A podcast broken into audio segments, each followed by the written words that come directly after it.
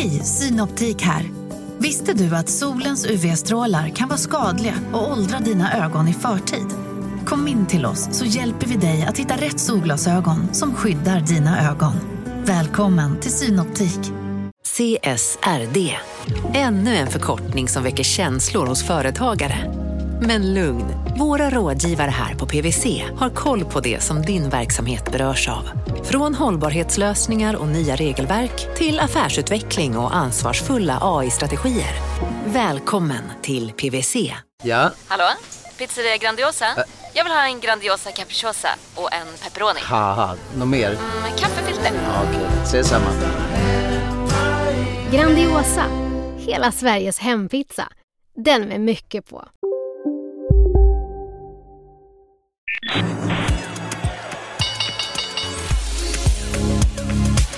Det här är Affärsvärlden Magasin med Helene Rådstein.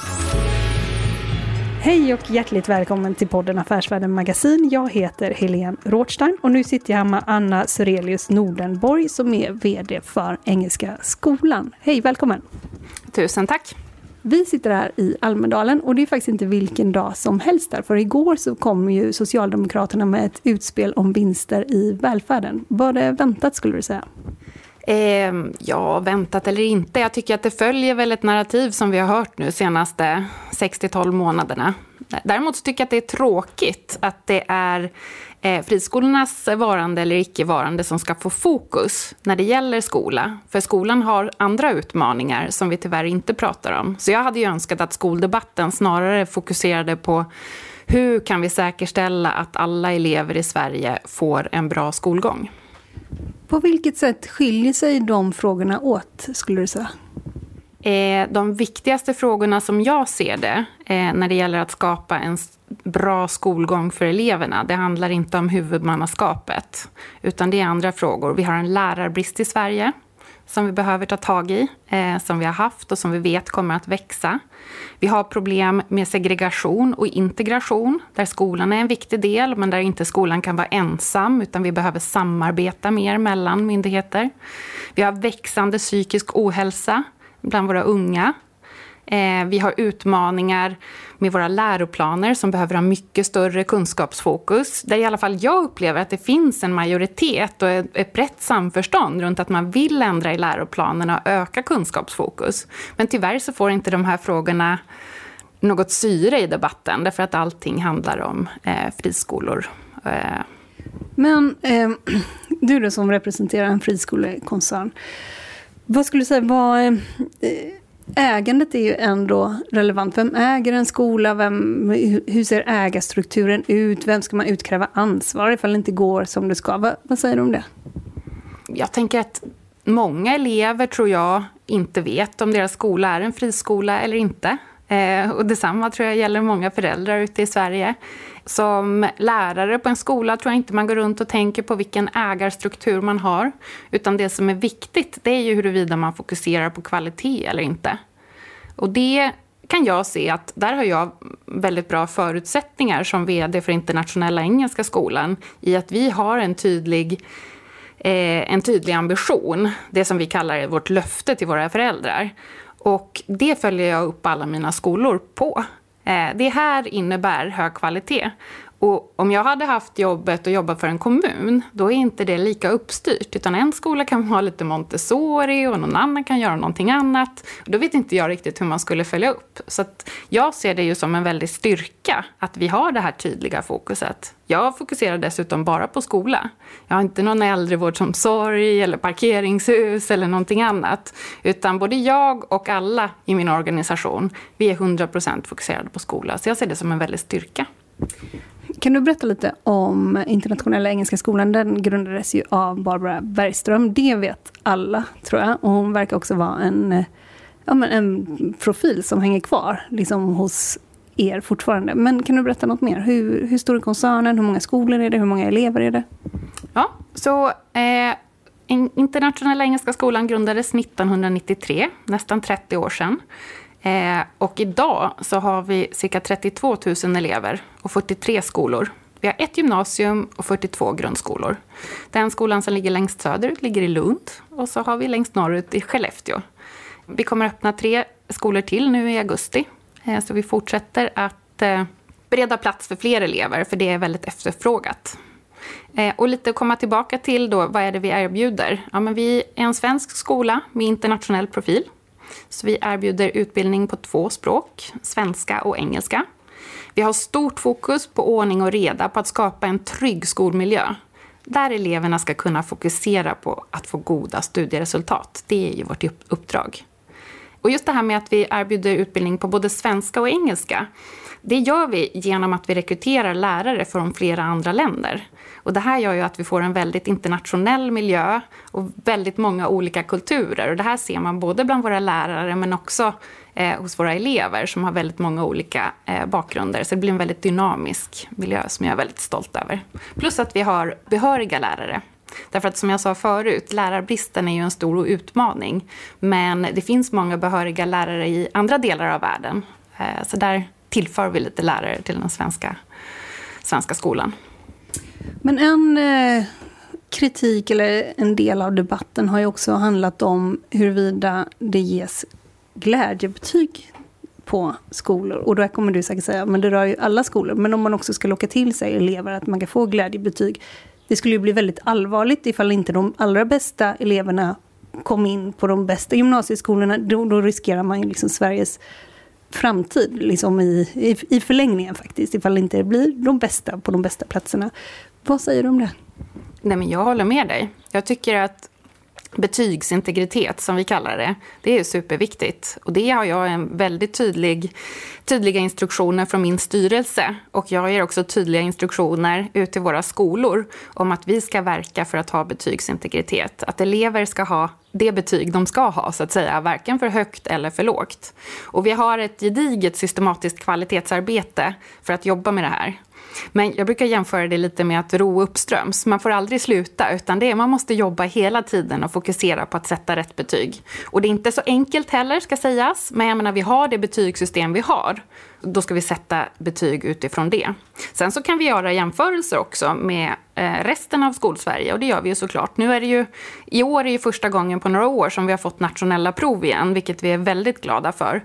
Men senaste gången vi har statistik ifrån, alltså 2019, så kan man jämföra elevernas betyg eh, på nationella provet med elevernas slutbetyg. Och tittar man då på kärnämnena svenska, matematik och engelska så ser man att vi har mindre skillnad än riket som helhet. Vi sätter alltså mindre överbetyg än eh, riket som helhet. Så att vi, självklart har vi områden att jobba på, men som helhet så gör vi ett bra jobb.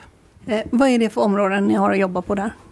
Nej, att det kan vara en viss eh, lärare eller en viss skola eller ett visst ämne eh, som behöver liksom drillas och få lite mer feedback och, och, och, och tänka annorlunda. Så menar jag. Och det som du sa, skillnaderna är mindre än rikssnittet ungefär. Ja. Eh, enligt eh, vilken uppgift, eller mm. va, va, va kommer den uppgiften ifrån? Eh, den kommer från Skolverket. Så Skolverkets officiella statistik. Då rapporterar de andel elever som får högre slutbetyg än vad de fick resultat på nationella proven och andel elever som får lägre slutbetyg än vad de fick på nationella proven.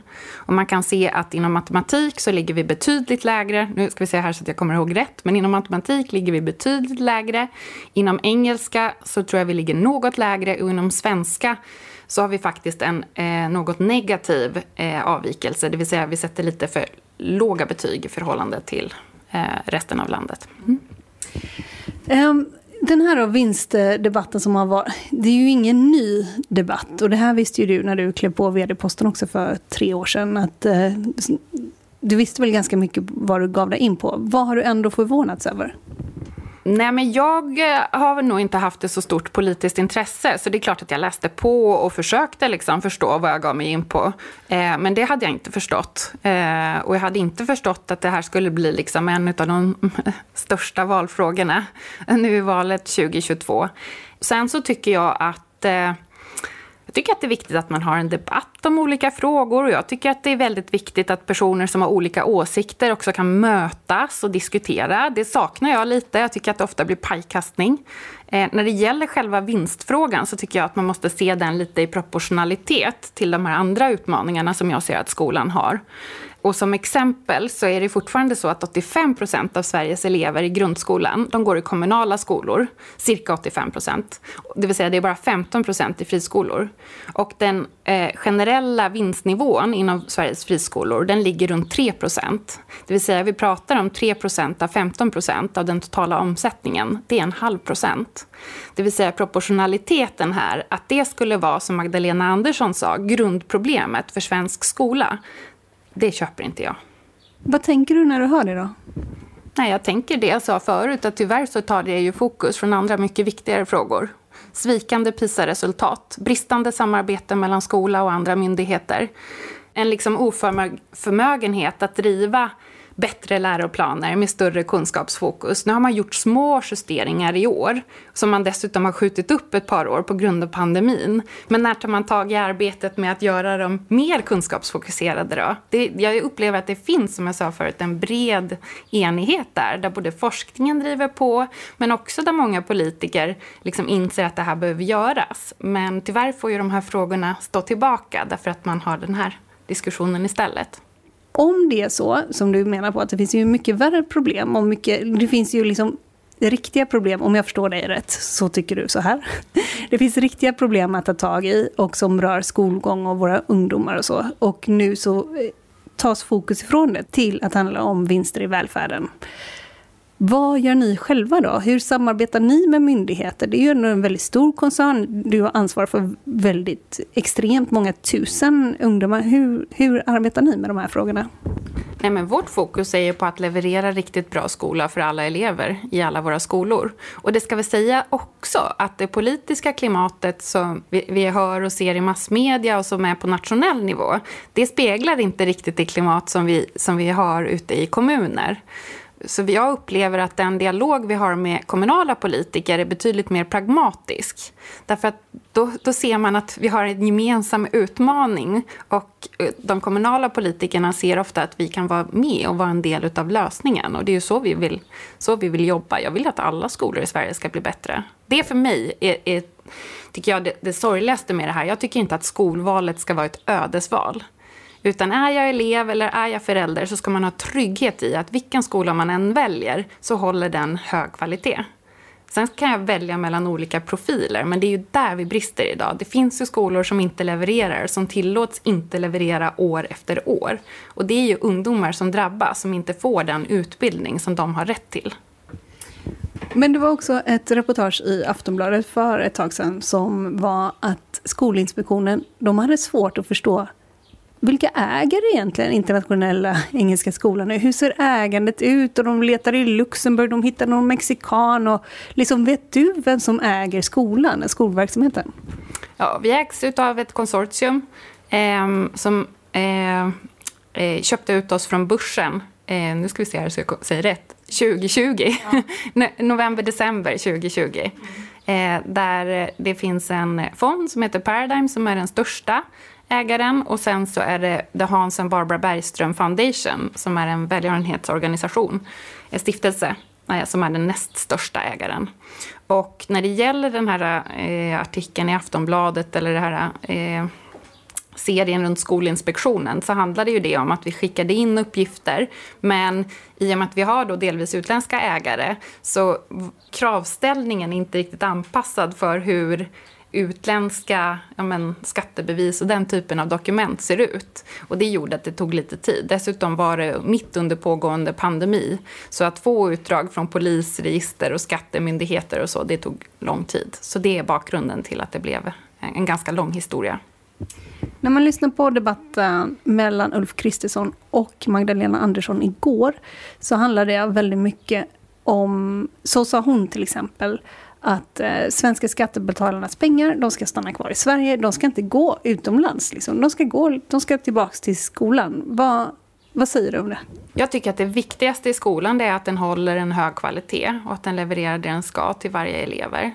Sen så tycker jag att det blir lite märkligt att man ska liksom eh, ringa in just skolpengen och säga att precis den det ska, ska gå till vissa, till vissa saker. Jag menar, skattepengar går också till att bygga nya vägar. Vägen som leder fram till skolan har, har finansierats med skattepengar där en viss del går till vinst. Skolan har byggts, oftast av ett byggbolag som gör vinst. Den kommunala skolan köper kanske mat, köper städ, köper skolböcker från företag som gör vinst. Så jag tycker att det blir lite, ja, lite märkligt. Men bara lite om dig. Vad har du gjort eh, tidigare för någonting? Ja, jag är teknisk fysiker som eh, drömde om att bli generalsekreterare för FN när jag var liten. Men fick eh, tipset att eh, börja i näringslivet. Så jag eh, kommer senast från ett företag som heter Annikura där jag var ansvarig för stora djursjukhus och eh, affärsområdeschef för Sverige. Eh, där vi eh, utvecklade djursjukvården inom Sverige och även Europa. Jag tycker personligen det är en väldigt intressant marknad. Jag sa det till dig här tidigare. För att eh, det, är, det skedde ju en enorm konsol, hur säger man det här ordet? konsolidering. Där eh, man köpte upp väldigt många små, mindre kliniker och djursjukhus och också hade några stora i botten från början. Eh, och sen så växte det och växte det. Och man kan nästan säga att det påminner lite om vad som händer inom eh, tandvårdsmarknaden just nu. Var du med i den processen?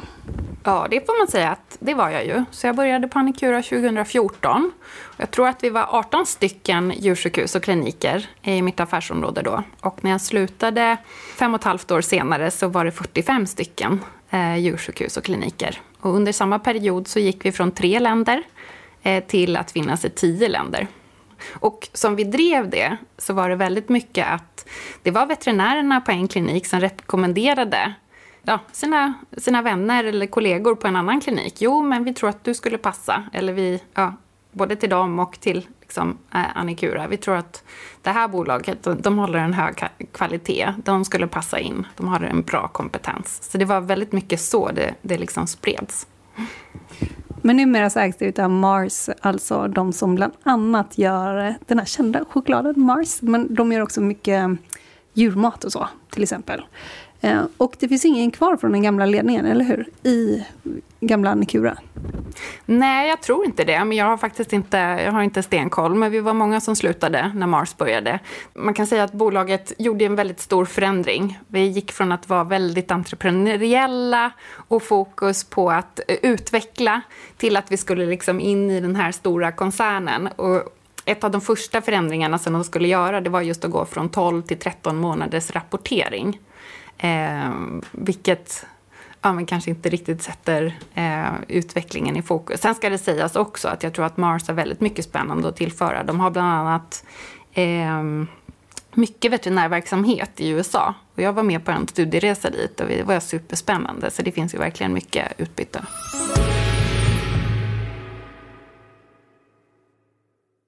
Marknaden sponsras av SPP, pensionsbolaget. Eh, förra gången pratade vi lite om ITP. Och som en kort repetition så, så var det ju 70-tal, arbetsmarknadens parter bestämde att alla tjänstemän ska ha en tjänstepension. Man kom överens om vilka villkor som ska gälla i den här pensionen och så kallade man den för ITP. Så jobbar man idag som tjänsteman i ett företag med kollektivavtal, då har man förmodligen den här pensionen, ITP-pensionen. Eh, och det är ju så att man kan påverka eh, den här pensionen, hur den är placerad. Vart femte år så gör nämligen Collectum, som de heter, en enorm upphandling där olika pensionsbolag kan ansöka om att få förvalta eh, de här pensionerna. Och SPP är ett av bolagen som valdes ut i den senaste upphandlingen. Och sen kan du som pensionssparare välja eh, vilket av de här olika pensionsbolagen som, som då ska få ta hand om dina pengar. Och tanken med den här upphandlingen är ju att liksom kvalitetssäkra de här olika alternativen eh, men också att förhandla fram stora rabatter så att pensionsspararna ska få ja, kunna spara pengar genom att avgifterna eh, som är så viktiga eh, blir eh, lägre. Och vill man välja någonting i ITP-systemet då finns det en relativt ny sajt som heter avtalat.se. Ehm, där kan man gå in och se hur sin ITP-pension är placerad. Jag gjorde det häromdagen faktiskt. Ehm, idén är att hälften av pengarna alltid ligger i något som kallas för traditionell försäkring. Det här gjorde vi ett avsnitt om i podden Kapitalet nyligen eh, som vi kallade världens bästa sparform. kan man lyssna på om man är intresserad. Eh, den andra halvan eh, den kan man också lägga i en traditionell försäkring eller så kan man placera det i något som kallas för fondförsäkring. Eh, SPP som sagt eh, var ju ett av de fåtal bolagen som valdes ut i den senaste upphandlingen och de finns med som alternativ både med en traditionell försäkring och med eh, fonder. Så det var en liten bakgrund till ITP-systemet. Vill man läsa mer om det här eller typ kolla hur ITP-pensionen är placerad, eh, kanske göra förändringar, då går man in på avtalat.se. Eh, men tack säger jag till SPP som vill göra oss människor mer medvetna om hur enormt viktig pensionen är för oss som en framtida lön, men också som en positiv kraft i samhället eh, och förstås för att ni möjliggör eh, den här podden Marknaden. Men tillbaka till skolpengen. Hur fungerar det? Ja, eh, som det fungerar så eh, har vi ju den här eh, lika villkorsprincipen som säger att en elev har en skolpeng som ska följa med oavsett om man går i en kommunal skola eller i en fristående skola. Och det är ju liksom, eh, ja men valfrihetsprincipen vilar ju väldigt mycket på, på just den här lika villkorsprincipen i Sverige. Så en kommun som har ett antal kommunala skolor, de bestämmer vilken budget de ska satsa där och sen så sätter de då en skolpeng för friskolan utifrån det. Men det ska sägas också att kommunen kan välja att fördela de här pengarna på sina egna skolor som de vill. Så det behöver inte vara en lika stor skolpeng på varje skola. Men många kommuner arbetar på samma sätt, men det är inte så det behöver vara. För det kom ju här från Riksrevisionen nu i veckan, eh, så kom det också att man eh, tog upp det här med skolpeng, att det kanske inte alls ska vara sån ersättning framöver. Det kanske inte är den bästa ersättningsmodellen helt enkelt. Va, vad säger du om det? Nej, jag tycker att det var en bra rapport från Riksrevisionen. Jag tycker att det är väldigt viktigt att man tittar på det här, för jag tror att det finns områden som man behöver liksom skruva och, och kan förbättra fortfarande. Nu är friskolereformen har, snart, eller har 30 år Eh, på nacken. Eh, och det de lyfte var ju bland annat eh, de här förslagen som regeringen la nu under våren och sa att nej, de hade inte hjälpt. De hade inte stärkt likvärdigheten i svensk skola och det har ju vi också sagt. Så det tyckte jag var väldigt glädjande att de slog fast det. Det den här utredningen också säger är att det finns inga tydlig, inget tydligt regelverk för hur en kommun ska redovisa sina kostnader och vad som ligger till grund för skolpengsberäkningarna. Och det här gör ju förstås att det blir väldigt svårt att följa upp. Betalar man ut rätt belopp? Och, och, utredningen pekar på att det här borde stärkas upp. Det borde komma tydligare mallar och det borde utöka transparensen. Det tycker jag också är väldigt positivt. Sen så pekar de på att lokalkostnaderna, den lokalkostnadsersättningen behöver ses över för den eh, blir ofta inte korrekt. Man sätter avkastningskrav som är för låga eh, och man bör även titta på administrationskostnaden. Så det om man säger inom ramen för befintligt system så är det de eh, tydliga rekommendationerna som görs. Sen så säger man ju också man föreslår att det ska vara liksom en nationell eh, skolpeng, eller skolpengsschablon tror jag de kallade det. Och det här tycker jag spännande och någonting som man absolut kan titta på och utreda mer. Men fortfarande så är det ju så att olika eh, geografiska platser har olika förutsättningar. Så man kommer att behöva ha olika koefficienter för hur skolpengen ska beräknas. Så att jag tror att det, det, är lättare att säga, men när man väl ska genomföra det i praktiken så tror jag att det kommer att eh, ja, innebära eh, ganska mycket diskussioner i den ändan också. Det jag faktiskt skulle tycka skulle vara intressant, för man pekar ju mycket på det här att när det blir elevfluktuationer och, och hur ska man hantera det. Och att det kan bli en, en, skola som tappar elever kan drabbas. Och det här pratar man ju ganska mycket om i debatten och framförallt kopplat till kommunala skolor, men det kan ju lika gärna hända en friskola, vill jag poängtera. Att man tappar elever, att man har eh, liksom fulla klasser, ingen garanti alls. Och eh, där kan jag tycka att man kanske skulle titta på någon form av tröghet i systemet. Att, att skolor kan få hjälp från staten eller på något sätt att man bygger in en tröghet i systemet så att det finns tid att ställa om och anpassa kostymen. Som skattebetalare vill jag ju att pengarna ska användas på ett effektivt sätt. Har man färre elever, ja men då behöver man anpassa kostymen. Men eleverna som går i skolan nu ska ju inte drabbas. När man pratar om så här vinstförbud i skolan, som du pratades om igår, vad är det exakt som ska förbjudas? Eh, jag vet inte riktigt. Ehm, jag tänker att vinst, det är ju överskott. Och om man inte vill att en verksamhet ska gå med överskott, då vill man alltså att verksamheten ska gå med underskott. Eh, nu kommer jag ju från näringslivet, men jag tror att även om man finns i en kommun så är inte underskott bra. Det är inte långsiktigt hållbart. Men kan det inte vara att det ska gå jämnt, att det ska gå jämnt upp? Jo, men om man har drivit en verksamhet som är lite större än kanske jätteliten, så, och, och med parametrar som man inte kan styra över, så vet man att det blir fel ibland. Så vill man gå jämnt upp så bör man sikta på ett litet överskott. Det tror jag att de flesta som, som driver en verksamhet är överens om. Eh, men är det också utdelningar som diskuteras? Utdelningen diskuteras ju absolut.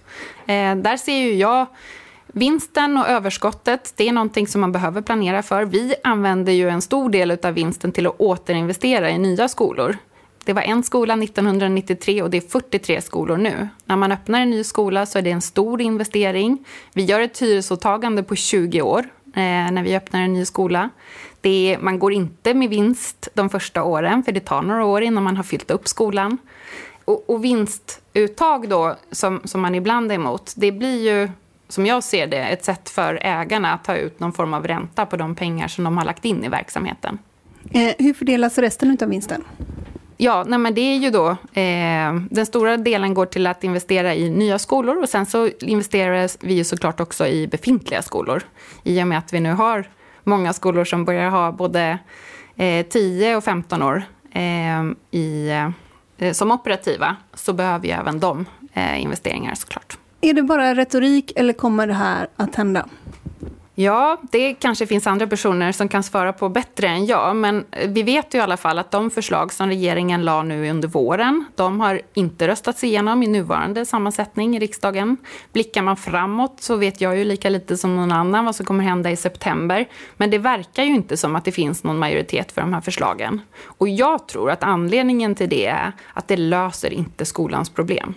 Man kan ha olika fokus. Jag kan ha respekt för att man ideologiskt vill ha det på ett visst sätt. Men det löser inte skolans problem att förbjuda vinst. En annan kritik, eller något som hörs i debatten ofta, det är ju att man kan välja vilka elever som ska gå på en skola. Att man får liksom ungefär lättare elever på friskolorna. Vad, vad säger du om det? Vi väljer inte våra elever, utan det är våra elever som väljer oss. Eleverna väljer skola. Du menar det finns inga sådär kösystem? Att, eh, alltså det finns ju de som kräver extra resurser och som kostar mer för att de behöver mer hjälp och stöd och sådär. De väljs inte bort, menar du? Nej, utan vi har antagning enligt köprincip, det vill säga turordning. Så att den som har ställt sig först i kö, det är den som får en plats till, till, skolan. Och vi har ju ingen aning om vad det är för olika elever och man följer liksom turordningen och det finns eh, system. Så att det där är extremt reglerat. Så man pratar mycket om att friskolor skulle välja sina elever. Jag känner överhuvudtaget inte igen mig i den bilden. Utan så här är det ju, vi har de elever vi har. Och det är jätteolika på våra olika skolor vilket elevunderlag vi har. Men det är ju vår uppgift att säkerställa att det blir en bra utbildning oavsett.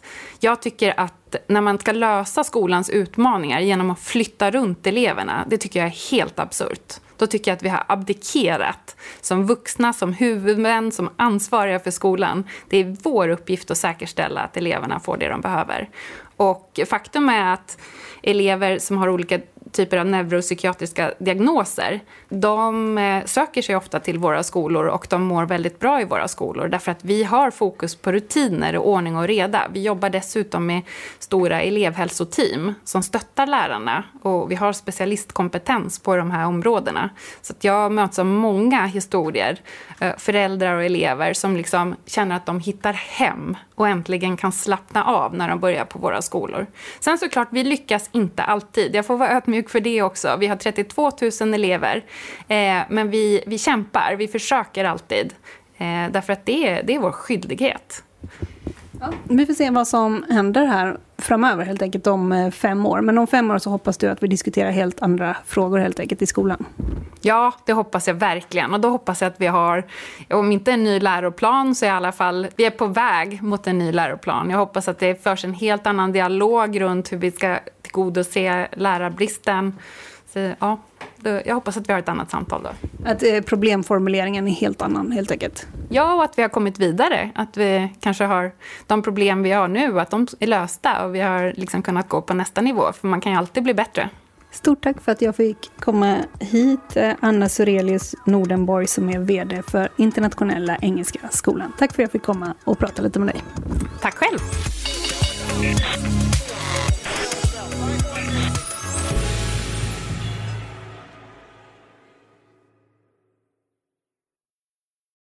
Eh, marknaden sponsras av Karla. Eh, vi pratar ju en hel del om bilar här på kontoret. Eh, karla har ju skapat, skulle jag säga, det som är standarden för hur man idag köper och säljer bilar på nätet. Kort bakgrund bara. Karla säljer och leasar begagnade elbilar och laddhybrider på karla.se. Alltså en helt digital upplevelse.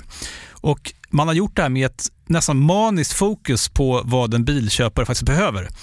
Jag gjorde ju en intervju med en av grundarna, Patrik Illerstig, i marknaden här eh, ganska nyligen, eh, daterad 25 mars, om man vill lyssna på den. Eh, men där berättar han hur de kom in i det här lite från vänster för att försöka uppfinna hela den här liksom bilköpupplevelsen från början. Och de har idag, vilket är rätt otroligt, 4,8 i betyg eh, på Trustpilot. Jag, jag har sett många företagssidor på Trustpilot, men det här är nog bland eh, det bästa jag någonsin sett eh, faktiskt. Man kan sälja bilen till Karla också. Eh, då går man in på karla.se, delar lite info om bilen, sen får man en gratis värdering och ett bud. De hämtar bilen helt gratis i hela Sverige och så har man pengarna på kontot i samma stund som de hämtar bilen. Det är grymt. Eh, så ska du köpa en ny bil eller sälja din gamla, eller båda delar för den delen, gå in på karla.se och eh, kolla. Alltså karla.se och Karla stavas med C. Tack så mycket till Karla.